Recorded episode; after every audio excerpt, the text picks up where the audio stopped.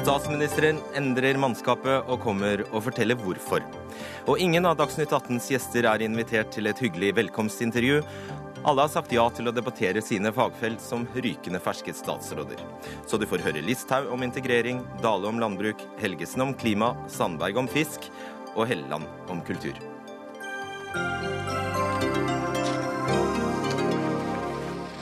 Og statsminister Erna Solberg om eh, helheten, vel. Velkommen til deg, Erna Solberg, til Dagsnytt 18. Eh, og gratulerer med nytt mannskap. Takk. Hva, er det mest- hva syns du er det mest spennende du har gjort i dag? Det er spennende å prøve nye personer som ikke har vært statsråder før på eh, inn i regjering. Det er alltid spennende. Men det er selvfølgelig spennende også å egentlig få frem eh, hvor viktig eh, inkludering, integrering, innvandringsspørsmålene kommer til å være i årene fremover med også å legge de sammen og ha en egen statsråd som skal jobbe med det. For eh, det er jo sånn at For det første er det en indre sammenheng som har vært litt dårlig når den har blitt splittet opp mellom to departementer. For det andre er det jo en sak som vi kommer til å måtte jobbe mye med som nasjon i veldig mange år fremover. Eh, integrering har jo blitt slengt mellom Arbeidsdepartementet, Kommunaldepartementet, Barne- og likestillingsdepartementet. Eh, og, nå, og da har man jo da tydeligvis ment at det var fornuftig å skille mellom dem som kaster ut folk og dem som skal ta seg av folk. Men det altså ikke, gjelder ikke lenger. Når jeg var kommunalminister, så hadde jeg ansvar for begge deler. Eh, og jeg mente at det var, ga en helhet i problemstillingen som var viktig. Så har det jo vært sånn at integrering over mange år lå i Kommunaldepartementet. Så var det da i min periode i ett, samlet i ett, eh, ett departement. Eh, og det syns jeg er lurt også å gjøre fremover. Eh, og så er det jo en spesiell situasjon med så mange som har kommet som asylsøkere, med den internasjonale situasjonen vi har, med flyktninger over, eh, altså inn til Europa. Det gjør jo at eh, presset på dette området blir veldig stort. Og vi hadde i utgangspunktet veldig, altså allerede i vår, veldig klar, eh, klar opplevelse av at eh, på justissektoren så var Justisdepartementets portefølje for én statsråd så stor at det var en utfordring. Eh, og når det da fikk flyktningstrømmen på toppen, så har, har jo jeg og Siv sett dette som nødvendig. Men eh, du, hva skal Solveig Horne gjøre nå? Hun har jo nesten ikke noe igjen. Ja, Men hun har familiepolitikken, barnevernet, forbrukerpolitikken, og kanskje tid til å jobbe enda mer med det. Eh, fordi at mye har vært bosetning og, og eh, enslige mindreårige. Og fortsatt er jo enslige mindreårige under 15 år et ansvar for eh, barne- og familieminister. Hvilken telefon var det vanskeligst å ta? Eh, Nå har jeg snakket med folk direkte, okay. og eh, jeg eh, Det er alltid vanskelig å begynne den diskusjonen på at eh, noen skal gå ut av en regjering. Eh, Og det, og det gjelder både statssekretærer og eh, statsråder. Men eh, Egentlig så er det ganske naturlig de skiftene vi har gjort nå. Tine ønsket å fullføre eh, eh, hele Parisavtalen, men hadde da klart ønske om at eh, det, det hun hadde jobbet så intenst for, at det var liksom der hun ville sette stoppen. Toril har vært en eksponent i vårt parti alltid for at de nye skal slippe til, og det sa vi allerede i 2013. sa hun jeg vil gjerne være med i begynnelsen når jeg spurte, men vi må også huske at vi skal, skal satse på nye etter hvert. Så hun er veldig forberedt på at eh, hun med sin erfaring fra å ha vært statsråd før, skulle være med i starten av dette prosjektet, men åpen for å, å, å skifte ut. Og så byttet jo vi mellom partiene til departement som gjorde at Robert Eriksson ikke lenger kunne fortsette. Og han var jo den som kanskje ga uttrykk for størst skuffelse i dag. Ja, og det er lov. Det, det å være statsråd er et privilegium, det er en glede, og det er utrolig spennende. For politisk interesserte mennesker så er det selvfølgelig leit når man slutter. Og, eh, men det er jo sånn at eh, det er blitt en, en Frp har fått en mer statsråd. Da har vi også byttet litt eh, departementer med kanskje litt større fokus. Og det har vært viktig for Høyre også å få inn et, eh, eh, en statsråd i et departement som også jobber med den langsiktige integreringen. For arbeidsmarkedet er den viktigste området for å få til integreringen. Dere overtar altså Arbeids- og sosialdepartementet fra Høyre. Du, tilbake til Sundtoft. Hva oppga hun som, eh, som begrunnelse for at hun ville gi seg halvveis? Eh, Jeg tror at motivasjonen hennes var kjempestor. Hun har jobbet enormt det siste året på, på å få til Parisavtalen. Eh, Det er ikke uten grunn at Norge er kommet i en sånn sentral posisjon. Vi har flinke forhandlere, men det er også fordi at det har vært gjort et nitid arbeid over lang tid med å følge opp med en statsråd som har reist, som har sittet i, i hundrevis av timer i klimamøter før Paris-møtet begynte, for å sørge for å få dette. Og da er det vel sånn at når man føler man er på topp, har sluttet det kom til en god, god eh, avtale, og da tenker jeg at man skal gå inn igjen i alt det andre, så har det vært eh, grunn for å, å gjøre noe annet. Og hun var også den personen som kanskje var minst før jeg spurte henne om å bli statsråd, egentlig var minst sånn innstilt på å være politiker. Hun hadde en politisk bakgrunn fra å være generalsekretær og aktiv for 20 år siden. Når jeg spurte henne om å bli statsråd og, og komme tilbake, og hun ville nok litt tilbake til sitt liv som ansvarlig i Vest-Agder for fylkeskommunens utvikling. Så har du da i stedet satt inn Geir, nei, Vidar Helgesen som ny klima- og miljøminister. Vurderte du energi, miljø- og energipolitisk statsmann på Stortinget, Nikolai Astrup? Ja, men han er så viktig for oss på Stortinget. Og nå har han også i dag fått eh, lederskapet for samferdselskomiteen. Det er viktig for et parti som oss som skal bære som en mindretallsregjering, som skal bære gjennom saker i stortingsbehandlingen, så må vi ha sterke personer også i, i Stortinget. Og han er vår, en av våre fremste allroundere. Alt dette snakket om at det egentlig skyldes at du bærer nag til han, hva sier du til det? Det er helt feil. Det, har, altså det, blir, det blir, eh, Da skjønner man ikke så mye av, av partipolitikken. Jeg og eh, Nikolai har et godt samarbeidsforhold. og eh, det er ingen grunn til å tenke på sånt. Men det er også sånn at han er så dyktig at vi er nødt til å ha noen i Stortinget som kan følge arbeidet. Han er nestleder i gruppen, han blir leder av samferdselskomiteen. Og ikke minst er han en av våre sterkeste allround-politikere. Han har litt den rollen nå som Jan Tore Sanner måtte ha under Bondevik II-regjeringen. Alle trodde han skulle bli statsråd, men han måtte være på Stortinget som finanspolitisk talsmann og sørge for at regjeringens politikk gikk gjennom. Vurderte du Per Sandberg som eh, innvandringsminister? Det var aldri et tema som ble forelagt eh, meg. Den diskusjonen vi har hatt om, om Per Sandberg, har vært om å spørre ham om å bli fiskeriminister. Eh, og også fordi jeg tror Per Sandberg har lyst på et litt sånn områdeskifte på, på temaet, og dypdykke inn i et annet politisk område. Hvordan foregår denne prosessen mellom deg og Siv Jensen? Har, eh, har, du vetorett, f.eks.? Ja, jeg har selvfølgelig vetorett. Eh, det er jo sånn at eh, Frp vil også kunne si at det er noen statsråder vi hadde foreslått som de kanskje ville synes var for vanskelig for det. Det har ikke vært en situasjon. Men det har heller ikke vært en situasjon hvor vi har måttet bruke vetorett. Hvor irriterende syns du det er at pressen kom deg i forkjøpet denne gangen?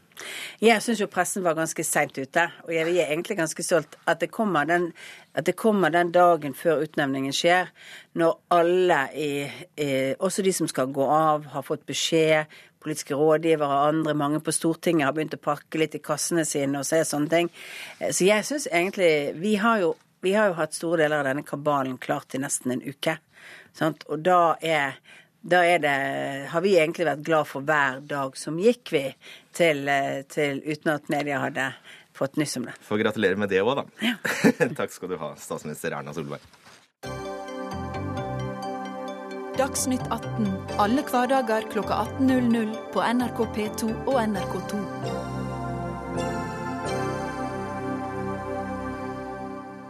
Ja, Det tok ikke lang tid før den nye innvandrings- og integreringsministeren ble satt i arbeid. For, eh, for en drøy time siden ble den nye integreringsavtalen lagt fram på Stortinget. Hele 64 punkter med ulike forslag fra de seks forlikspartiene omhandler bl.a. innstramming i retten til familiegjenforening, og at staten skal kompensere ekstrautgiftene ved bosetting.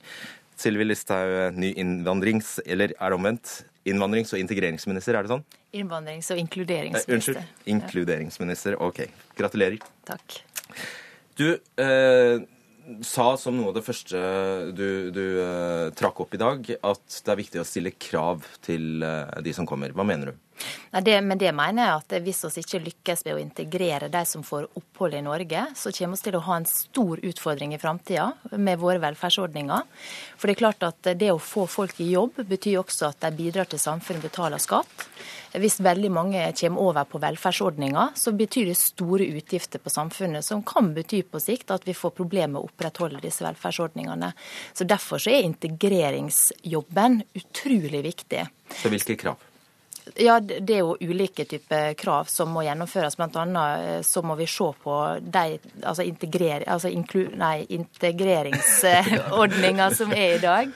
Eh, om det fungerer godt nok. Vi må se på de kommunene som faktisk eh, gjør det godt. Hva gjør de riktig, hva gjør andre kommuner feil?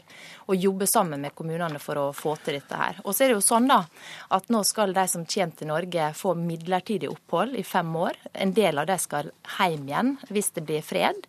Men det er jo viktig at i den tida de skal være i Norge, at de da får muligheten til å bidra istedenfor å være passive.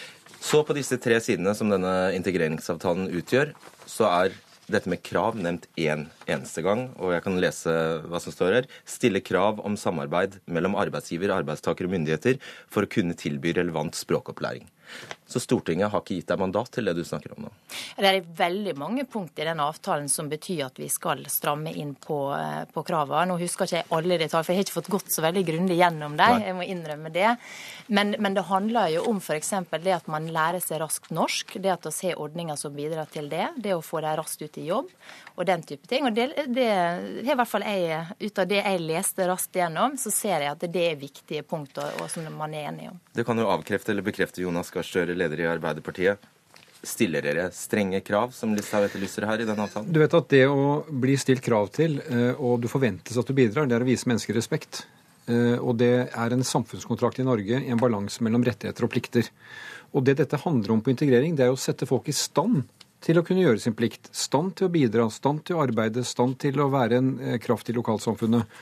Og Oppgaven vår som politiske myndigheter det er å treffe de vedtakene som gjør at de menneskene som nå sitter på mottak, det er en midlertidig del av livet, kan være en veldig vanskelig del av livet, får et kort opphold der og kommer raskt i gang med livet sitt. Og Her er det 64 punkter om det, eh, og som ikke minst understreker at alle har et ansvar. Og Det tror jeg blir statsrådens store ansvar. Hun må nå være en samlende person, kan ikke bli en splittende person. Hun må sørge for at den uroen som er, blir beroliget, og at den viljen som er til å bidra her ute i Norge, blir vekket slik at vi lykkes. For at hun har helt rett, jeg er enig med henne i det, at hvis vi ikke lykkes med integrering, så er det veldig ille for de menneskene det er uenig. Men du, du medgir at, samfunnet. Ja, du, men du medgir at ordet krav er ikke gjennomgående. Nei, men altså nå går du på sånn fin et ord, men, men det ligger veldig klare Jo, men altså det ligger veldig klare forventninger. Eh, det er, det er ganske mange krav til regjeringen bl.a. om at de skal legge til rette for at eh, barn kommer i barnehage, at det blir lettere å, å, å finne bolig osv. Eh, og så forventes det også at folk etter noen år kommer i jobb, lærer seg norsk og blir deltakende. Ja, Audun Lysbakken, leder i SV, i og med at det ikke stilles så mange formelle krav her, da så er jo dette noe du helt sikkert kunne ha skrevet under på. Vi er jo veldig for krav i integreringspolitikken. Men husk at Grunnen til tror jeg, at de som står bak forliket, ikke har greid å finne på så veldig mange nye krav, det er at det er en myte, veldig ofte skapt av Fremskrittspartiet, at det ikke stilles krav i norsk eh, integreringspolitikk. Eh, de som kommer hit, har en rett og en plikt til å lære norsk. Alle de programmene vi har, de understreker plikten til å søke arbeid osv. Det er en rekke gode krav, ikke minst ble mange av de innført i de årene vi rød-grønne styrte landet. Så det er en myte at det ikke finnes krav. Det som er utfordringen akkurat nå, det er jo at en risikerer at en del av de vedtakene som er gjort i høst, fører til det motsatte av krav, nemlig en passifiseringslinje i uh, integreringspolitikken. Men Har du lukket å lese Lusebakken? Ja, raskt. Jeg har ikke funnet et eneste forslag der som SV er imot. Nettopp. Vi kommer til å kunne støtte uh, rubbel og bit av dette. Eh, veldig mye av det ligner på det SV har fremmet i Stortinget sjøl i høst, men nok med den eh, forskjell at våre forslag er mer konkrete. Og det er nok min uro i dette, at eh, her er det mye som blir liggende lenge. Men, men la meg da si sånn, grunnen til at vi ikke er med på denne avtalen, det er jo den forrige avtalen mellom de seks partiene, der de vedtok ting som jeg mener er sterkt integreringshemmende, særlig dette med at utgangspunktet nå for alle disse flyktningene skal være midlertidig opphold. Og Det vi risikerer da, er jo nettopp at vi ikke stiller krav om å komme i jobb, lære norsk, fordi du egentlig sier at du skal ut igjen. Og Derfor så risikerer du at Sylvi Listhaug faktisk blir statsråden som lærer disse flyktningene å stirre i veggen og motta trygd, istedenfor å lære norsk og komme i arbeid. Svar kort på det. Liksom. Nei, det, Vi skal jo legge fram en egen integreringsmelding i løpet av våren. der der vil jo de punktene som ligger i denne avtalen bli viktige. Det er jo en del ting som skal vurderes. Og jeg mener at introduksjonsordninga, som er svært viktig, må gjennomgås. Og vi må se hvilke endringer som skal gjøres der for at dette skal gå raskere, og at folk kommer raskere ut. Og så er det jo sånn at en del skal ut av de som kommer til Norge. En del får opphold. Og da er det viktig at vi så raskt som mulig selvfølgelig får eh, integrert de som skal være her videre, eh, og sendt hjem igjen de som ikke skal være her. Spørsmålet skal gå til deg, Knut Arild Hareide. Altså, Sylvi Listhaug har jo i flere omganger vært ute mot det hun har kalt godhetstyranniet. Og sist var du vel ute mot uh, byfuglien, altså preses i Den norske kirke, der kritikken din altså går på at det ikke er mulig å være uh, kritisk til innvandringspolitikken uten å bli stemplet. Mm. Og dette er vår nye hva kalles det, inkluderingsminister, og det er greit for deg, vel? Ja, jeg har lyst til å gratulere Sylvi Listhaug som ny minister på et veldig viktig område. Og jeg har sjøl hørt hun satt i dette studioet her, eh, snakke om godhetstyranniet. Eh, akkurat den delen var jeg veldig uenig i. Men hun sa noe annet da hun var i studioet. Og det var at hun burde følge Jesu råd eh, da hun var i Dagsnytt 18. Og det tenker jeg det kan være klokt å ta med seg i inkludering. Han har bl.a. sagt det du vil at andre skal gjøre mot deg, skal du gjøre mot deg. Det kan være veldig god tenkning. Og jeg syns det er bra det Sylvi Listhaug sier nå. Eh, gi aktivitet. Og det som er bra, det er altså 64 punkt som vi nå, de seks største partiene på Stortinget, er blitt enige om. Det er en utrolig god arbeidsinstruks til den jobben som Sylvi Listhaug skal gjøre på integrering. Og ett av de, ta et eksempel, det er bl.a. at LO og NHO har sagt noe om at jobb, aktivitet, vi må ta nye initiativ på det. Og vi ber deg gå i dialog med partene i arbeidslivet nettopp for å få til det. Det å sikre at mennesker, både de som eh, kanskje skal være bare på et opphold, men òg de som skal bli varig, ikke minst de, må komme i aktivitet tidligere enn det vi opplever i dag. Støre, Dere bruker litt forskjellige ord om, hva, om dette dokumentet. Uh, Hareide viser til at det er en arbeidsinstruks. Uh, veikart brukte vel du. Betyr dette, Er dette å tolke slik at uh, Sylvi Listhaug bare strengt må forholde seg til dette, implementere det og gjøre det til gjeldende politikk, eller kan hun foreslå andre ting? Sylvi Listhaug er en erfaren politiker og statsråd, og alle statsråder vet at du følger Stortingets flertall. Uh, nå er dette en spesiell avtale, for den er veldig detaljert. Og den forrige avtalen vi hadde fra november om innvandringsregulerende tiltak, er også detaljert.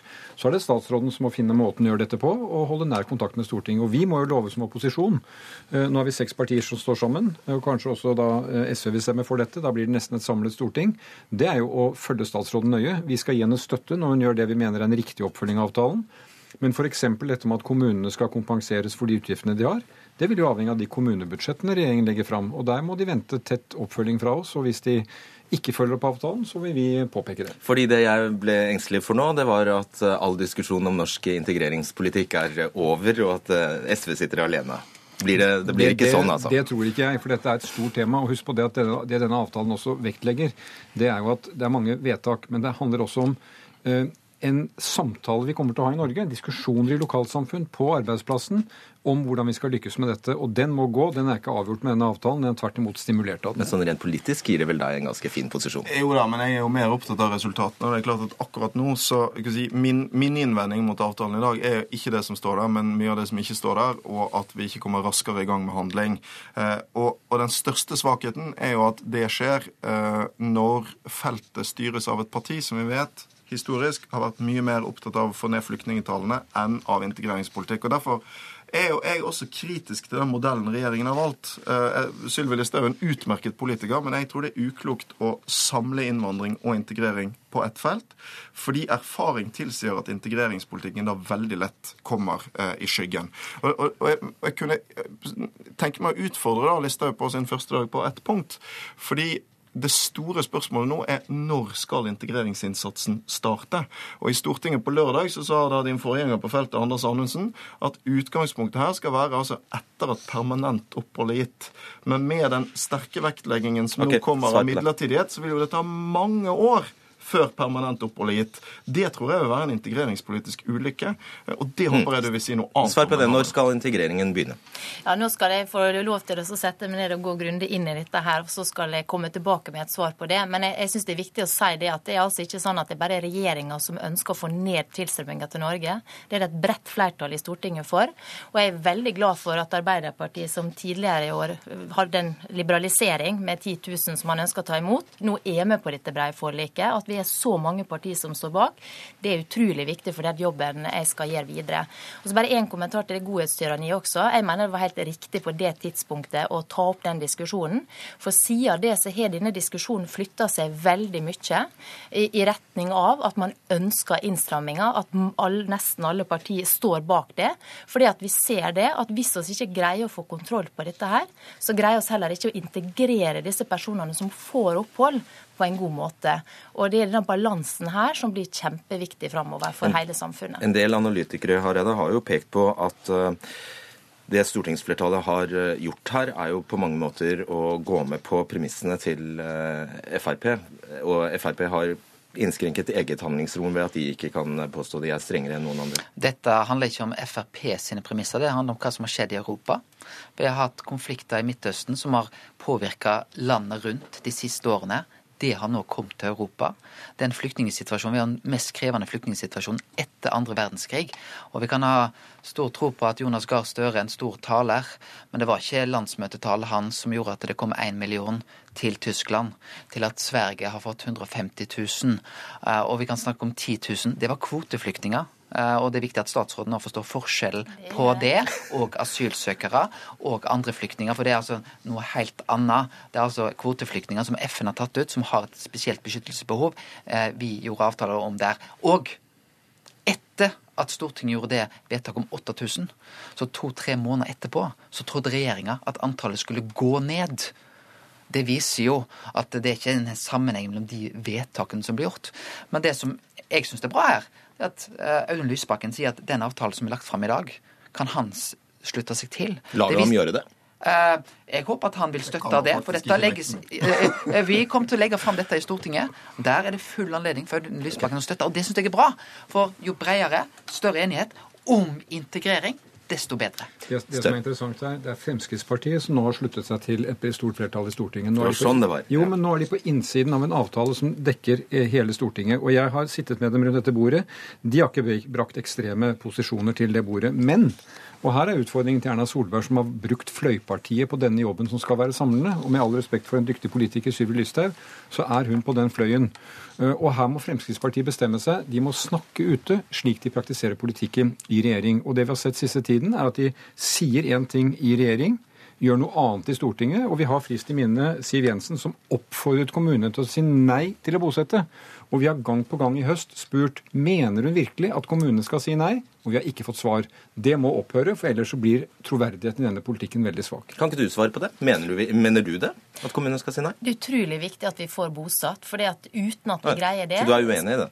Nei, altså jeg mener det er viktig fordi jeg ønsker å bidra til at disse som skal være i Norge, blir skattebetalere istedenfor å leve på offentlige overføringer. Så bare én ting til. For det, som er viktig i denne politikken her, det er jo at signaler går ut i verden. Og det er klart at vi så jo at det kom personer på, til den norske grensa som sa at dere har sagt at dere skal ta imot eh, et visst antall tusen mennesker. Vi ønsker å være en del av det. Og det er derfor at alt vi gjør nå, blir utrolig viktig. for fordi vi vet at det er millionvis av mennesker der ute som følger med på det som skjer. Og Det er altså 60 millioner eh, flyktninger i verden i dag, og det sier seg sjøl at Norge ikke har kapasitet til å, å uh, håndtere en sånn situasjon. Nå må dere være raskere, Lysbakken Støre. Jeg tror den troen på Stortingets gjennomslagskraft i eh, flyktningbevegelsen er litt overdrevet. Men, men eh, jeg synes bare det er viktig på slutten å minne om hvorfor det ikke er et enstemmig storting bak dette forliket. Og det var fordi at i løpet av høsten så eh, flyttet bl.a. Arbeiderpartiet og KrF seg i den forrige forliksrunden inn i posisjoner som jeg mener var å gi altfor mye etter for Frp.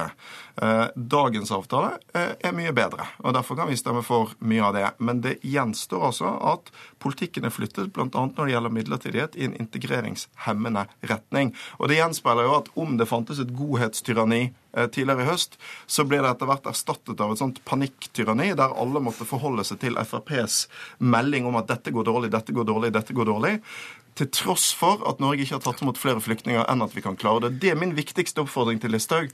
Vær nå ikke en statsråd som forteller folk hele tiden at dette klarer vi ikke. Vær en statsråd som sier dette skal vi jammen klare. Nei, altså jeg mener Lysbakken her har rett. Det, integrering skjer ikke i dette studio. Vi er egentlig politikere som snakker godt sammen. Det skjer ute i lokalsamfunnene. Det er der det nå må skje. Og der er det mye vilje, men det er også usikkerhet. Og det er vår jobb å sørge for at kommunene er i stand til å foreta integreringen, og at folk får den oppfordringen til å bidra. Og jeg mener det det er noe av det viktigste vi må gjøre. Et punkt i denne avtalen er å svare på noe jeg har fått mange mailer på. Pensjonerte lærere som sier kan vi stille opp og lære norsk? Og det legger vi opp til nå på pensjonsvilkår. Eh, her i Oslo på akuttmottaket for eh, enslige mindreårige er det studenter fra Universitetet i Oslo som stiller opp frivillig og lærer norsk. Den kraften må vi spille opp om, og det er også statsrådens ansvar. Veldig kort. Det står også her at skal, eh, dere skal skjerpe inn, skjerpe inn, stramme inn retten til familieinnvandring for asylsøkere og flyktninger. Hvor stramt da? Ja, Dette er jo en avtale vi har fra 2013 med regjeringa. Men nå gjelder det hele Stortinget, nå stiller nesten hele Stortinget seg bak det? Ja, nå er det på en måte en oppfølging av den avtalen som vi hadde fra 2013 på familiegjenforening.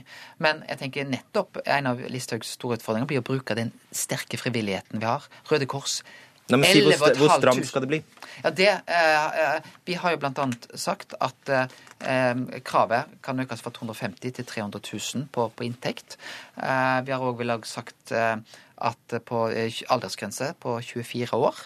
Eh, som eksempel på det. Det må vi komme tilbake til. Og da står partiene fritt til å stemme hvordan de, de vil på det. Men jeg tenker det som viktig for Listhaug å følge opp, er jo den enorme frivilligheten. Tenk at 11 500 har meldt seg til Røde Kors for å stille opp frivillig. Det er en enorm ressurs, og det må den nye inkluderingsministeren bruke. Ok, Vi satser på at vi kan diskutere, at vi kommer til å diskutere integrering mer.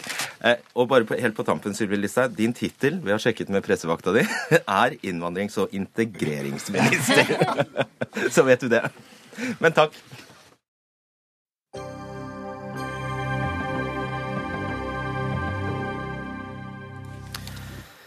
Jon Georg Dale og Sylvi Listhaug er begge fra Sunnmøre. Begge har vokst opp på gård, og begge representerer Frp. Og der håper Senterpartiet at likhetene mellom den nye og den tidligere landbruksministeren stopper. Jon Georg Dale, landbruksminister, gratulerer. Tusen takk. Kan du bekrefte det, at likhetene stopper deg? Eh, det er mange likheter mellom eh, meg og Sylvi Listhaug, men det er også en del ulikheter. Og jeg skal eh, prøve å fylle den rolla jeg nå er satt til, på min måte. Har du tenkt å videreføre arbeidet Sylvi Listhaug påbegynte? Jeg mener Sylvi Listhaug starta på mange viktige prosjekt for å modernisere norsk landbruk, der Senterpartiet ofte har tenkt at å ha det akkurat sånn ting er nå, er det evigvarende svaret. Det mener jeg er en dårlig idé. Norsk landbruk har alltid vært i omstilling. Det omstillingsarbeidet må fortsette. Så helt konkret, f.eks. du vil jobbe for å oppheve konsesjonsloven? Har, nå ligger det en sak på, på, flere ting i Stortinget. Jeg er jo opptatt av at vi fortsetter liberaliseringa på en del områder. Jeg mener at vi skal forenkle landbruksbyråkratiet. Jeg mener det er all grunn til å sørge for at vi har en landbrukspolitikk som ikke bare er ett, to og tre framover i tid, men 10 og 15. Gir grunnlag for at unge eh, velger å gå inn i landbruket. Og fortsatt konkret, du eh, mener også pristaket på landbrukseiendommer skal oppheves? Vi, vi, har gått til Stortinget med en konkret sak eh, på det, og så ligger den til forhandling i Stortinget nå. og Der har jeg respekt for at Stortinget skal gjøre sine vedtak. Men det utgangspunktet vårt er at det er naturlig å begynne en liberalisering der. Ja. Trygve Slagsvold Vedum, leder i Senterpartiet. Hva sier du til dette? Først vil jeg gratulere Dale som ny landbruks- og matminister, for det er jo en fantastisk eh, rolle han skal få lov til å ha i halvannet år. Eh, så, skal, så må han nok gi fra seg nøkkelen igjen. Men, eh, men i den tida så bør han nyte den rollen. Og så bør han Én eh, lærdom bør trekke fra sin forgjenger, er at det er lurt å lytte til næringa. For det er en fantastisk næring med rundt 100 000 ansatte hvis du regner næringsmiddelindustrien og og jordbruket, pluss alle de tilleggsverdiene. Så det syns jeg var noe av det som jeg forundra meg mest med Listhaug, at det var konfrontasjon på alle fronter med alle som kan noe, som jobber i næringa, som de tunge organisasjonene. At det er mye lurere å samarbeide, for å kan få til masse. For det er jo... Stryke dem etter håret? Nei, men det er lurt å lytte til folk som kan noe. Det er, det er aldri dumt. Og som, eh, som, en næringsminister som da Dale er, for en av landets største næringer, så er det lurt å tenke at det er kanskje de som har jobba i næringa i en generasjon eller de som kan mye om det, kan gi noen råd, istedenfor å bare gå i krigen. Og så har jeg ett råd til. Og det er bare å glemme alt som står i FrPs program. For her står det f.eks.: avvikle jordbruksavtalesystemet. Det er veldig veldig dumt, for det er kjempelurt å jobbe sammen med næringa. Og så står det at norske tollsatser skal fjernes på sikt som en del av internasjonale forhandlinger. Men det vet du alle, det er lenge siden Frp førte Frp-politikk i Landbruksdepartementet. Ja, det, takket, være, takket være KrF og Venstre ja. så har det blitt stoppa en del. Ja, Skal du lytte mer? Ja, altså Jeg har starta dagen i dag med å invitere flere av eh, landbruksorganisasjonene, næringsmiddelindustrien og eh, matkjedene eh, til møte. Og Det mener jeg fordi det er, det er all grunn til å gå i dialog med alle aktørene i markedet. Men det betyr ikke at jeg tenkte å begynne å føre Senterpartipolitikk. Det vil stoppe opp. Senterpartiet etterlot seg en landbrukspolitikk som gjorde at vi hadde underdekning på lammekjøtt. Nå er Senterpartiet redd for at vi har for mye lammekjøtt i markedet. Men det er altså lam som beiter i norske norsk kulturlandskap. Og så er et av de virkemidlene som Senterpartiet alltid har meint at de var for, men som de ikke har klart å levere på. Det gjør vi med de moderniseringene som vi gjør nå, som stimulerer til økt produksjon. Stemmer det? Det som er så fantastisk, er jo at eh, du, når du kjenner landbruket litt, så er det, en, er det en langsiktig næring. Så f.eks. Eh, de kalvene som blir født nå, de kommer til å slaktes først i neste stortingsperiode igjen. Eh, og, de, og når du skal bygge opp saueproduksjon, så er det en langsiktighet. Og noe av det viktigste som vi har gjort Vi har hatt en men, veldig målrettet satsing på sau. Så gjorde vi et veldig viktig grep, at vi forbedra tollsatsene på lammekjøtt, som gjorde at man kunne få en høyere pris i det norske markedet og trygg for avsetninga. Så jeg syns det er kjempebra at vi nå har egenforsyning med, med lam. Det er din fortjeneste, sier du? Det, det er en langsiktig politikks fortjeneste. For den som tror at landbruket skifter fra en dag til en annen, tar helt feil. Og når man eh, tar utgangspunkt i 2014, som Frp ofte gjør som skryteåret, så veit jo i hvert fall eh, etter hvert så vil alle vite at det er jordbruksavtalen for 2013 som er avgjørende i 2014. Du skjønner nok dette etter hvert, da. Ja, jo, men ja. Jo, men altså, ut- Utfordringa til Senterpartiet er at de sier at eh, vi skal stimulere til økt produksjon. Og når regjeringa gjør det, så sier de at økt produksjon, å stimulere til økt produksjon det fungerer ikke. Det var det Senterpartiet gjorde som fungerte. Men altså, jeg er veldig opptatt av at vi fortsetter en politikk som faktisk bidrar til at flere produserer mer. Altså Hovedsvaret på norsk landbruk er at produksjonen øker. Er ikke det som skjer at færre produserer mer? Vi, vi ser at landbruksproduksjonen i sum går opp, og det er det som vi er avhengig av. Senterpartiet er har sagt at, Senterpartiet har sagt at de får økt matproduksjon. Det skjer nå. De sier at de er opptatt av kulturlandskapspleie. Det skjer når flere land beiter i beita. Og det, er jo fantastisk at eh, vi produserer mat rundt omkring i hele Norge. Og det er jo en suksess, det er den norske suksesshistorien. Og da er det så viktig at f.eks. Dalen kan si det vi har skrevet om tollvern, det er feil. Det mener vi ikke. Derfor kan du som er ung bonde, satse trygt. Du kan investere i nye fjøs. Du kan ha en framtid. For at vi, vet at hvis f.eks. det som står i FrPs program på tollvern blir eh, gjeldende, så er det ikke lønnsomhet i norsk landbruksproduksjon lenger. Og vi vet hvis det som står om eh, produksjonsstøtte blir gjeldende, så er det ikke lønnsomhet i norsk storfekjøttproduksjon lenger. Og da bør eh, Dale si det er kjempebra at dere satser, og jeg garanterer at vi skal kjempe for tollvernet. Vi skal ikke redusere Jeg tror inntektene. ikke han kommer til å si det. Jeg har bare lyst til ja, jeg har bare lyst til å stille deg et, et konkret spørsmål om tall her. Altså, Norge bruker da altså rundt 20, 20 milliarder eh, i året på direkte og indirekte støtte til landbruket. Antallet bruk har da sunket fra 200 000 til 43 000 de siste 60 åra. Og under 2,7% av arbeidsstokken jobber i landbruket. Eh, landbruket står for 0,4% av BNP. Tyder dette på en landbrukspolitikk som fungerer? Nei, jeg, mener det er mye å rydde opp i landbrukspolitikken. Jeg mener Sylvi Listhaug har starta på en del av det arbeidet, men hun er ikke ferdig. Og en del av min oppgave blir å, fortsette på det. Og så er det altså sånn at Hvis Senterpartiets løsning hadde vært den eneste løsninga for økt matproduksjon, da hadde vi ikke stått i disse utfordringene vi faktisk ser. Og den produksjonen vi nå eh, ser at vi greier å få opp. Det er bra at det blir produsert, produsert norsk kvalitetsmat i norske distrikt. Og da bør Senterpartiet bevege seg vekk fra sitt gamle argument om at alt er best hvis det er som det var før, Nei, men- og heller være med på de nødvendige moderniseringer som går på å stimulere til økt produksjon. Syns du disse tallene tyder på at eh, det går riktig veien? Ta meg selv, for eksempel. Jeg hadde min beste kornavlinger ever i år. Og hadde også kjempegode avlinger i fjor, takket være at det var kjempegodt vær. Eh, så, så, og det var ikke pga. at jeg hadde gått av som statsråd og Listhaug kom, at det ble mye bedre vær. Tror jeg, da. Altså, så, nå snakker vi Det vet vi jo ikke. Nei, vi vet jo ikke, men jeg vil ikke tro at det er sånn at Gud har en finger med i spillet på akkurat det her. Og det er jo, det er en biologisk næring. Men det som er kjempeviktig, eh, skal vi ha folk til å satse, så er det at det er forutsigbarhet. Forutsigbarhet rundt det med støttenivå, forutsigbarhet rundt det med toll. Og så vil det selvfølgelig være modernisering, og det har vært en enorm modernisering i norsk landbruk når Senterpartiet er styrt, og vi satser på forskning, utvikling, men trygge rammebetingelser. Og derfor så bør kampen mot tollvern f.eks. legges bort og si vi skal stå for norsk industri, vi skal stå for norsk matvareproduksjon. Og det vi har sagt om toll, det er ikke basert i virkeligheten, bare ideologi. Den største forutsigbarheten norske bønder kan få, det er at de kan leve av det de produserer. Ja, og da må det- det, ha det- Og da er det, da er det å stimulere til økt produksjon eh, som er svaret på det. Og så er det da slik at produksjonen går opp. Det er mange positive utviklingstrekk i norsk landbruk. Trygve Slagsvold Vedum burde glede seg over det, og så burde han være med på noe mer modernisering enn det Senterpartiet tradisjonelt har hatt rykte rykk på seg for. Og da kan vi få til en god dialog i tida Men er du for eller mot et eh, velfungerende tollvern? Jeg er for et eh, godt norsk landbruk, men jeg tror ikke at det evigvarende svaret på det er høye tollmurer. Nei, så Derfor så er du mot å ha et godt tollvern. Slapp av. Velkommen i manesjen, eh, Jon Georg Dale, og takk til deg, Trygve Slagsvold Vedum.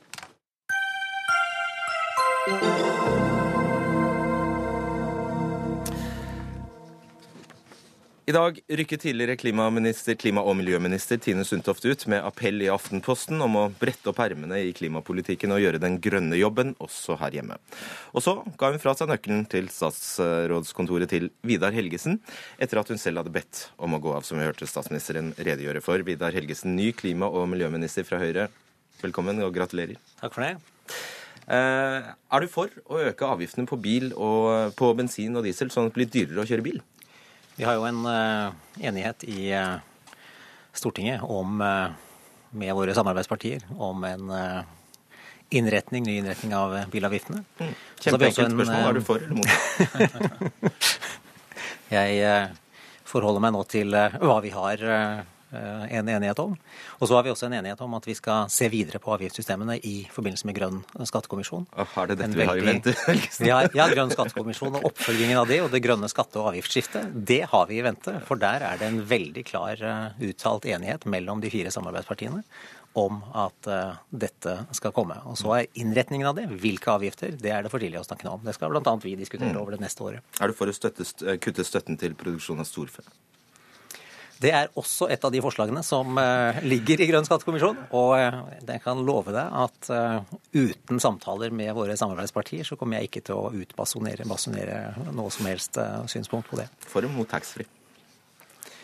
Jeg kan ikke si at jeg personlig er mot taxfree, men igjen, du viser til nok et forslag som ligger på bordet. Og det som er noe av poenget, er at vi må ha en helhetlig og gjennomtenkt grønn skattereform. Og vi er veldig klare på i eh, Stortinget med våre samarbeidspartier med klare skal-formuleringer at dette skal skje. Eh, så beveger jeg meg da bort fra denne skattekommisjonen, siden du ikke vil svare på det. Kan norsk olje- og gassvirksomhet fortsette som før etter Parisavtalen? Ja eller nei? Jeg tror at vi så i går at ikke alt fortsetter som før i olje- og gassnæringen. Eh, det vi ser fra Statoil, det vi ser fra andre selskaper internasjonalt, viser jo at det ikke er som før. Og Parisavtalen gir eh, en ytterligere veldig klar beskjed. Det at man nå snakker om at, at eh, togradersmålet ikke er nok, at vi skal betydelig under det, og et mål på 1,5. Eh, og det at målene skal bli mer ambisiøse hvert femte år, det er en klar beskjed om at business as usual ikke funker. Så det var egentlig et godt innpakket nei? Det betyr også at eh, satsingen på fornybar utvikling må styrkes. Det betyr at teknologisatsingen på lavutslippsutvikling i industrien må styrkes. Her er vi godt i gang, men eh, vi må fortsette, og vi må styrke det arbeidet fremover. Ola Elvestuen, nestleder i Venstre, velkommen. Jo, takk. Hva syns du Helgesen skulle ha svart på dette spørsmålet, f.eks. om eh, han er for eller mot avgift, å øke avgiftene på bensin og diesel, sånn at det blir eh, kategorisk dyrere å kjøre bil? Nei, Vi må øke avgiftene. Vi må få til nettopp det grønne skatteskiftet som vi trenger, sånn at, vi må, sånn at det blir dyrere å forurense. Og Hvis vi ser på de målsetningene vi har, jo sammen med EU, at vi skal ned 40 i utslipp fram mot 2030, så er det sånn. For å få til det, det sier også Miljødirektoratet, så må det altså ha så godt som 100 av nybilsalget i 2025 må være nullutslipp. Blir du glad eller lei deg over at han ikke da vil svare på et sånt spørsmål? Eh, jeg ser at i dag skal vi bare gratulere med den nye posisjonen, og så skal vi ta den kampen framover. Og det er helt riktig eh, som det ble sagt, at eh, oppfølgingen av skattekommisjonen er veldig viktig. Og det er klart at det ligger jo sånn fra du, du klarer ikke å nå disse målene uten at du har en økning av avgiftene på det å forurense. Og så er vi enige om at samtidig så må vi legge til rette for også at du bygger opp en infrastruktur for alternativene. Både når det gjelder nullutslippskjøretøy, men selvfølgelig også det som er biodiesel og biogass. Og der har vi jo gjort mye allerede. For prinsippet om at forurenser betaler, og at CO2, altså klimagassutslipp må koste mer, det er du enig i? Det er helt klart, og det ligger til grunn for tenkningen bak eh, Grønn skattekommisjon. Og det ligger til grunn for enigheten vi har om at vi skal ta eh, det grønne skatteskiftet og gjøre et eh, alvorlig stykke arbeid med det over det neste året. Kan du klima? Ja, jeg har jobbet mye med klimaspørsmål. Det er vel ingen, eh, ikke noe område jeg som EU-minister har jobbet mer med enn klima- og energispørsmål. Eh, det er eh, høyt på agendaen i EU. Og vi kommer jo også nå til å skulle jobbe tett med EU for felles gjennomføring av utslippsforpliktelsene. Og så er det også sånn at fra den rollen jeg hadde på statsministerens kontor inntil i morges, så der har vi også jobbet mye med spørsmål om grønn konkurransekraft og hvordan vi kan sikre at Norge i fremtiden har noe å leve av. Eh, fordi vi, eh, vi vet at fremtidens konkurransekraft er grønn. Og da må vi satse mye på utvikling av det. Dette er en omstillingsjobb, eh, sånn jeg ser det. Man snakker mye om miljøvern og verneperspektivet i, i Klima- og miljødepartementet, og det er viktig. Men vi må også se det dynamiske her. Vi skal skape noe nytt i Norge. Og det er det det grønne skiftet dreier seg om. Og da må vi også sette klutene til for eh, å tenke nytt, for å tenke innovasjon, for å få næringslivet med oss. Og vi ser jo at næringslivet på mange områder har skjønt uh, veldig mye og tar ledelsen. Og jeg er opptatt av et godt samspill der. Var det en høyremann som Vidar Helgesen ikke helt har forstått? det er at når, du nå i Parisavtalen så har man forhandla fram et tidsskille i den internasjonale klimapolitikken. 195 land som står sammen, så står sammen om å komme vesentlig under togradersmålet, ned mot 1,5 grad. Da må den forpliktelsen også følges opp med konkret politikk i, i Norge. Vi må også opp en divisjon når det gjelder tiltakene. Og Da kommer du ikke ut, utenom. Du må ha en vesentlig endring av skatte- og avgiftspolitikken. Det må bli mye dyrere å forurense. Så er det klart at vi må forberede oss på at dette vil også få store konsekvenser for norsk olje- og gassvirksomhet. Her sånn vil det ikke være rom med de med de utslippskuttene som både vi og verden må, må, gjennomføre, så vil det ikke være rom for olje- og gassproduksjon i nord, som man har sett for seg tidligere. Så den omstillingen vi står overfor, det grønne skiftet, er ikke noe som vi velger å gjøre. Det er noe som vi er absolutt nødt til å gjøre, og vi har dårlig tid for å gjennomføre det. Du, kan Norge bygge ut uh, Lofoten og Vesterålen? Uh, vi uh har en eh, enighet der mellom samarbeidspartiene, som eh, du kjenner godt til. Mm. Eh, jeg tror at vi skal ta inn over oss at, at Parisavtalen kommer til å bety at investeringer, at forskning og innovasjon, at kompetanseutvikling kommer til å gå i fornybar retning. Og det kommer til å få nytt, en, en, en, ny dynamikk etter Paris. Og det betyr at på sikt så vil fossile ressurser være mindre lønnsomt å produsere. Det betyr også et grønt skatteskift. Det er helt åpenbart. Så jeg tror vi, står foran store endringer her. Mye av det er markedsdrevet, men politikken må selvsagt spille med, og vi må sørge for at markedsmekanismen virker i grønn retning. Og der er vi jo helt enige om at grønn, eh, altså en grønn skattereform og et grønt skatteskifte er helt avgjørende. Og så er ikke jeg nå rede til å si hvilke konkrete avgifter skal opp, og hvilke konkrete avgifter okay, skatter skal ned. Men uh, vi er enige om at det er i den retningen vi skal. Og det er helt riktig at det uh, haster. For øvrig så tror jeg at på tiltakssiden så har vi jo bred enighet i Stortinget om de hovedprioriteringene som ligger på områder vi skal uh, satse på. Lavutslippsteknologi, fornybar energi, CO2-håndtering, lavere utslipp i transportsektoren. Um, og grønn skipsfart. Det er stor enighet om det, og så må vi akselerere innsatsen. Og det skal vi snakke mye om. Vi må sette strek her. Takk skal dere ha, Vidar Helgesen og uh, Ola Elvestuen. Hør Dagsnytt 18 når du vil. Radio NRK Radio.nrk.no.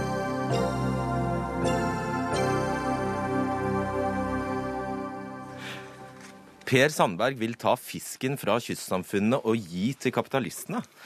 Ja, det spår du, SVs Torgeir Knag Fylkesnes, etter at det i dag ble kjent at FrPs nestleder blir fiskeriminister etter Høyres Elisabeth Aspaker. Men først, Per Sandberg, gratulerer. Takk skal du ha. Dagbladet skriver i dag at du aldri har tatt opp fiskeri og havbruk i Stortinget, stemmer det? Ja, det, det, At jeg har vært på talerstolen og snakka om fisk og havbruk, det kan jo ikke være. Men det er en rekke andre områder også. Men jeg tror jeg har vært innafor flere områder enn jeg har utelatt. det får du meg til å tro. Kan du noe om fisk? Ja, altså du, du, må ha, altså, du må ha sånn grunnkunnskap om det da, når du bor sånn som jeg gjør.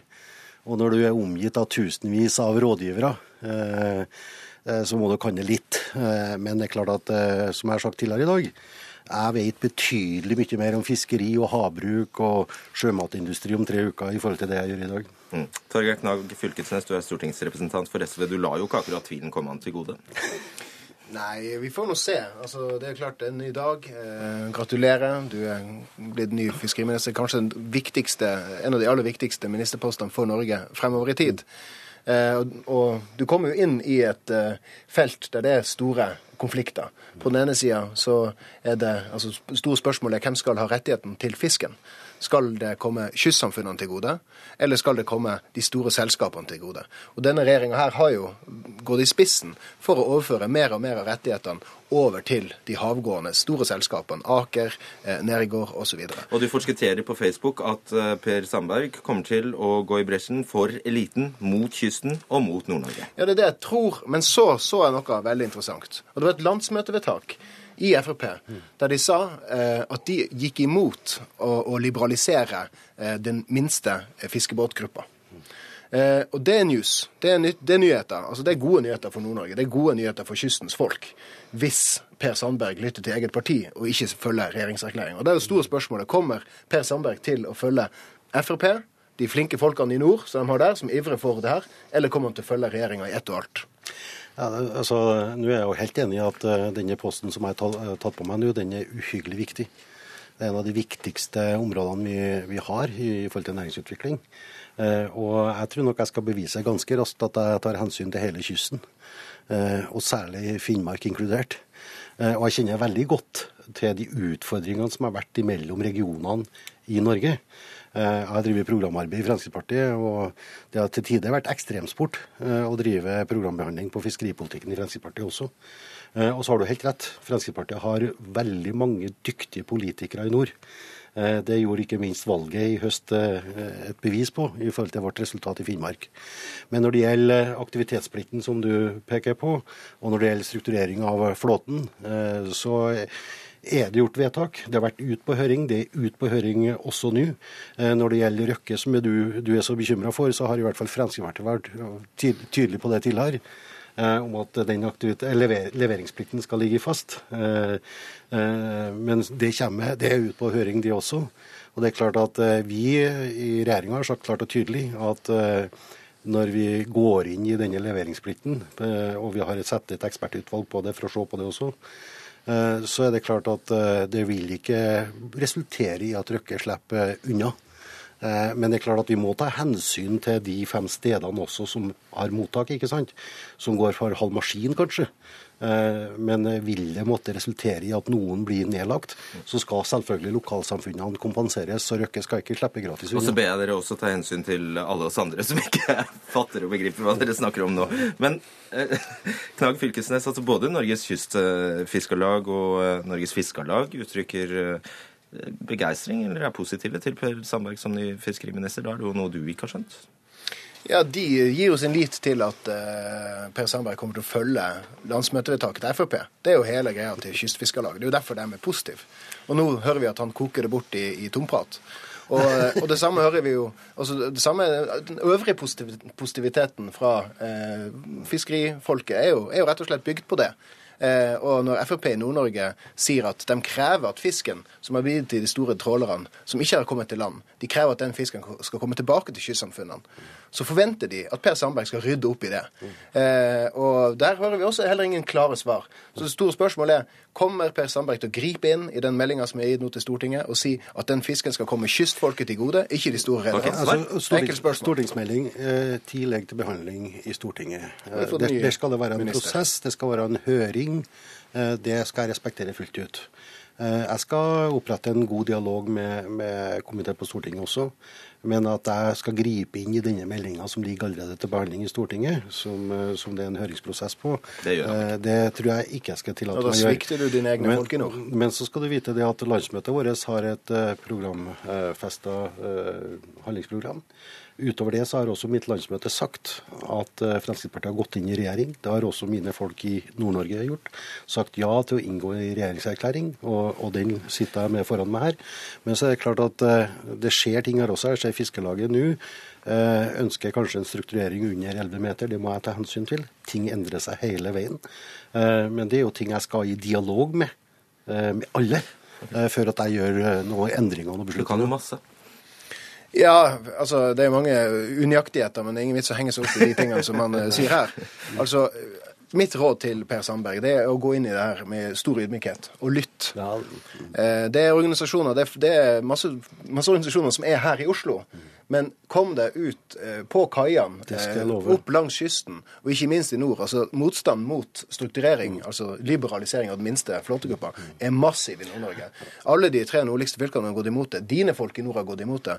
Eh, Den kravet om at den fisken som er begitt til de store trålerne, skal tilbake til, til kystsamfunnene, den, Jo, det, det kravet jo, er massivt. jo, men- men det Så det å ta en ordentlig reise, ja. sette sjøbein og komme deg til havs Snakke med folket. Det er mitt eh, viktigste men det skal jeg love deg. Jeg, når jeg har vært kjent for som politiker, så er det akkurat det, og det gleder jeg meg til. Og jeg har sjøl invitert meg både ut på sjarken eller kystfiske, både under og eh, over 11 meter. Jeg skal ta et besøk ut på havflåten og være med og se hvorvidt at jeg, jeg greier ut med det, sjøl om jeg er landkrabbe. Jeg skal besøke industrien.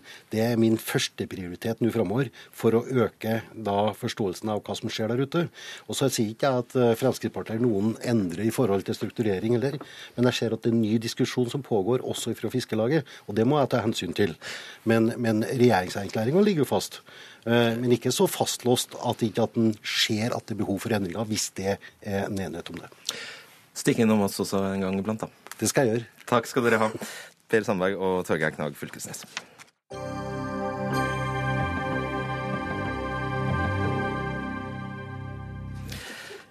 Med budskapet 'flere stemmer og større bredde i kulturen' fikk eh, du i dag overlevert nøkkelen til Kulturdepartementets eh, sjefkontor Linda Hofstad Helleland. Gratulerer med ny jobb. Takk for det. Er, eh, du har uttalt at du har en slags hemmelig plan. Hva går den ut på? Um, jeg har mange hemmelige planer, men jeg har ikke tenkt å røpe dem her til deg. da er det ikke hemmelig. men eh, nei, jeg har eh, mange prosjekter som jeg har tenkt å, å sette i gang, og så ligger det noen saker uh, i, eh, altså på mitt bord som jeg er nødt til å finne løsninger på, og som jeg også ønsker å, å ha med Stortinget på. Så det blir et veldig spennende arbeid, men jeg, jeg skal jo videreføre uh, Toril Vidveis, uh, det grunnlaget hun har lagt. Hun har satt i gang mange spennende ting på det feltet her som, som jeg gleder meg til å, til å sluttføre. Mm. Og en av de eh, sakene hun har eh, jobbet med, er denne kinkige søndags søndagsåpne butikker. Eh, Og det var det jeg siktet til, for der har du altså sagt at du har en plan. Jeg har en plan om å finne en løsning som er, er levelig for eh, alle. Eh, Da må jeg til Stortinget og snakke med mine venner der. Eh, Og det er jo ikke så veldig mye motstand å oppleve nå rundt søndagsåpne butikker nå før, før jul. Så kanskje vinden har snudd litt. Men det er jo Jeg har jo lagt merke til selvsagt den debatten som har vært den siste tida. Det har vært sterke følelser. Men jeg er opptatt av å, å finne løsninger, um, og det tror jeg faktisk det er mulig å få til. Hvordan skal du overbevise bevise Anette Trettebergstuen her? Driver voodoo, eller hva? Det er En bra start er jo å sette seg rundt bordet og snakke sammen, da. Men uh, klart at det er jo klare og steile fronter her. Uh, men eh, det er jo uh, ikke bare svart-hvitt. Det finnes jo også noen sjatteringer imellom, og det er jo det jeg er opptatt av å, å, å finne. Anette Trettebergstuen, kulturpolitisk talsperson i Arbeiderpartiet. Hva tror du? Greier hun å få innført søndagsåpne butikker? Nei, det, det tror jeg ikke. Eh, Jeg håper at eh, den nye kulturministeren eh, lytter til, til folk. De er imot. De ønsker ikke å kunne handle på søndager. Og ikke minst næringslivet selv, som, som ikke ønsker dette. Eh, Og jeg syns at eh, kulturministeren nå skal ta inn over seg den motstanden vi har sett helt siden forslaget kom på bordet, og, og la de 360 000 som allerede jobber i varehandelen, få lov til å beholde friheten til å kunne ha søndagen som en, eh, som en rolig dag og prioritere andre ting. Du sparer deg en del bråk og arbeid hvis du gjør som eh, sier. Eh, Ja, men det er, det er muligheter å, å, få, å få til løsninger her, tror jeg. Og det kommer ikke jeg til å gå bort ifra før jeg i hvert fall har testa ut eh, eh, alle, alle muligheter, for å si det sånn. det jeg forsøker å lirke ut av deg, er at det betyr, det betyr en, dette er en prinsipielt viktig sak for deg. Eh, Det er det, og jeg har vært med og fremma forslag eh, flere ganger i Stortinget eh, om å, å si ja til søndagsåpne butikker. og Det handler jo da først og fremst om at jeg mener den løsninga som er i dag, er konkurransevridende, og at det er feil. og Da må vi eh, gjøre noe med det. Og, men det må være mulig å få til det politisk. Det må et politisk flertall til for en sak, og det skjønner jeg som har vært i Stortinget så lenge. Eh, Men jeg ser frem til å snakke med, med samarbeidspartiene og se hva som er mulig å få til. Har dere, altså den blå-blå regjeringen, kuttet i bevilgningene til kultursektoren? Nei. Eh, og den, eh, vi har eh, årets budsjett høyere enn fjorårets. Fjorårets var høyere enn året før. Eh, og så vet jeg at Arbeiderpartiet er veldig glad i å dra opp den debatten om, om prosenter og hvordan man regner budsjettet og sånn, men jeg tenker at det er ganske uinteressant for folk ute der. Det vi må diskutere nå, er hvordan kulturen kan bli bedre. Hvordan kunst og den profesjonelle kunst og kulturen og kvaliteten på den kan bli bedre. Hvordan eh, vi kan bedre tilrettelegge for eh, bredden, sånn at vi også får rekruttert mer i, i toppen. Jeg ønsker en debatt som handler om noe mer enn kroner og øre. Hvis vi reduserer kulturdebatten i Norge og bare handler et spørsmål om budsjetter, da er det ganske fattigslig. Og Derfor så utfordrer jeg kulturen eh, til å være mer provoserende, til å komme og debattere, til å se hvordan skal fremtidas kulturuttrykk nå utvikle seg, og hva kan vi få til sammen. Og Der vil jeg være en lyttende statsråd som er ute og snakker på feltet. og Jeg kommer rett fra eh, teaterbesøk. Eh, og det hvor, eh, hvor jeg nettopp fikk et eksempel på hva vi trenger mer av i norsk kulturliv. Anette Trettebergstuen, det stemmer vel dette her at dere har terpet på at de har, har kuttet i andelen som går til eh, kultur. Vil du ja, gjenta det nå? Absolutt, eh, for det har denne regjeringen. Og jeg synes at det, det, burde være en ærlig sak for den nye kulturministeren eh, og regjeringen, som det for så vidt var for, fra den forrige kulturministeren Vidvei. Hun var helt tydelig på det. Hun sa at vet du hva, denne regjeringen har ikke gått til valg på at vi skulle prioritere kultur. Vi, vi prioriterer det ikke. Poenget er jo nettopp det at denne regjeringen har 200 milliarder mer å rutte med enn det vi hadde da vi gikk av. Alt får mer, kulturen får minst. Andelen kulturbudsjettet er av statsbudsjettet, minker for hvert år. Og den bitte lille økningen som årets kulturbudsjett får, den tar ikke engang igjen lønns- og prisveksten. Og det betyr at teaterne og institusjonene der ute de får reelle kutt. Og Det er jo nettopp eh, det som er kritikkverdig. fordi at Hvis man er opptatt av at kunsten skal være mer provoserende, eller at man skal skape et mer levende kulturliv der ute, et mer tilgjengelig kulturtilbud for flere i kommunene, ja, så koster det penger. Dersom kulturministeren hadde blitt samferdselsminister i dag, så hadde hun aldri sittet der og sagt at penger ikke spiller en rolle. Det koster å bygge vei, og det koster å bygge kultur. Det prioriterer ikke denne regjeringen, ja, men... og det er en helt ærlig sak. Men, også, ja, men også, eh, bare for å eh, gjør det klart. Eh, de rød-grønne var veldig opptatt av hvordan man regna eh, kulturbudsjettet. Så de gikk inn i hver enkelt departement og så på hva kan vi regne inn av kulturskolene. Hva er det ute, hva det ute eksporterer av eh, kultur som vi kan regne inn. Og det syns jeg liksom er litt uinteressant. Og jeg håper å se et Arbeiderparti som, som ønsker å, å, gjøre kulturdebatten til noe mer enn å redusere det til kroner og øre. Og jeg, og jeg er sikker på at også jeg og Anette skal ha mange gode kulturdebatter debatter nå i tida framover. Jeg gleder meg til det. Og jeg håper at vi får en debatt om at kulturdebatten tar mer plass. Eh, du, dere i Dagsnytt 18, Det er ikke så veldig ofte dere har kultursaker her. Eh, I den generelle offentlige debatten så er kultur eh, diskutert altfor lite. Og det mangfoldet som vi nå skal få la utvikle seg, og hvordan vi skal forme kulturen fremover, ikke minst i møte med den store folkevandringa vi står overfor. Hvordan kan vi inkludere dem i kulturen? Alt det her må vi debattere, og da må det også gis plass i, i Media-Norge. Ja, og jeg, Vi tar gjerne den debatten, men når Arbeiderpartiet i årets statsbudsjett bruker 600 millioner kroner mer enn regjeringen på idrett, frivillighet og, og, kultur, så handler det om at det blir mer kvalitet for de pengene. Eh, og hvis, hvis det ikke er viktig Eh, med penger til kultur, så syns jeg Linda Hofstad Helleland skal dra hjem til eh, sitt eget hjemfylke og si til eh, Opera Trøndelag eller Olavsfestdagen at den millionen hver av de ville fått med Arbeiderpartiets alternative budsjett, det er ikke viktig, for denne regjeringen er mer opptatt av kvalitet. Altså, dette tror jeg folk ja. forstår. De foreldrene som hver dag eh, har dugnad, mm. eh, selger lodd og, og baker kaker til idretts- for idrettslaget, inntekt for idrettslaget, vet jo nettopp det at med penger så blir det også rom for mer fotball og kvalitet. Et siste spørsmål til deg. Opera eller trekkspill? Begge deler. OK. Jo Nesbø eller Agnes Ravatn? Begge deler. Ja, jeg er. Jeg safer. Men uh, ja. er, jeg skal ikke definere hva som er god Nei. kultur og ikke. Takk skal dere ha, eh, Linda Hofstad Helleland og Anette Trettebergstuen. Denne sendingen er eh, over, og ansvarlig for den har vært Dag Dørum. I teknikken var Erik Sandbråten, og i studio Fredrik Solvang.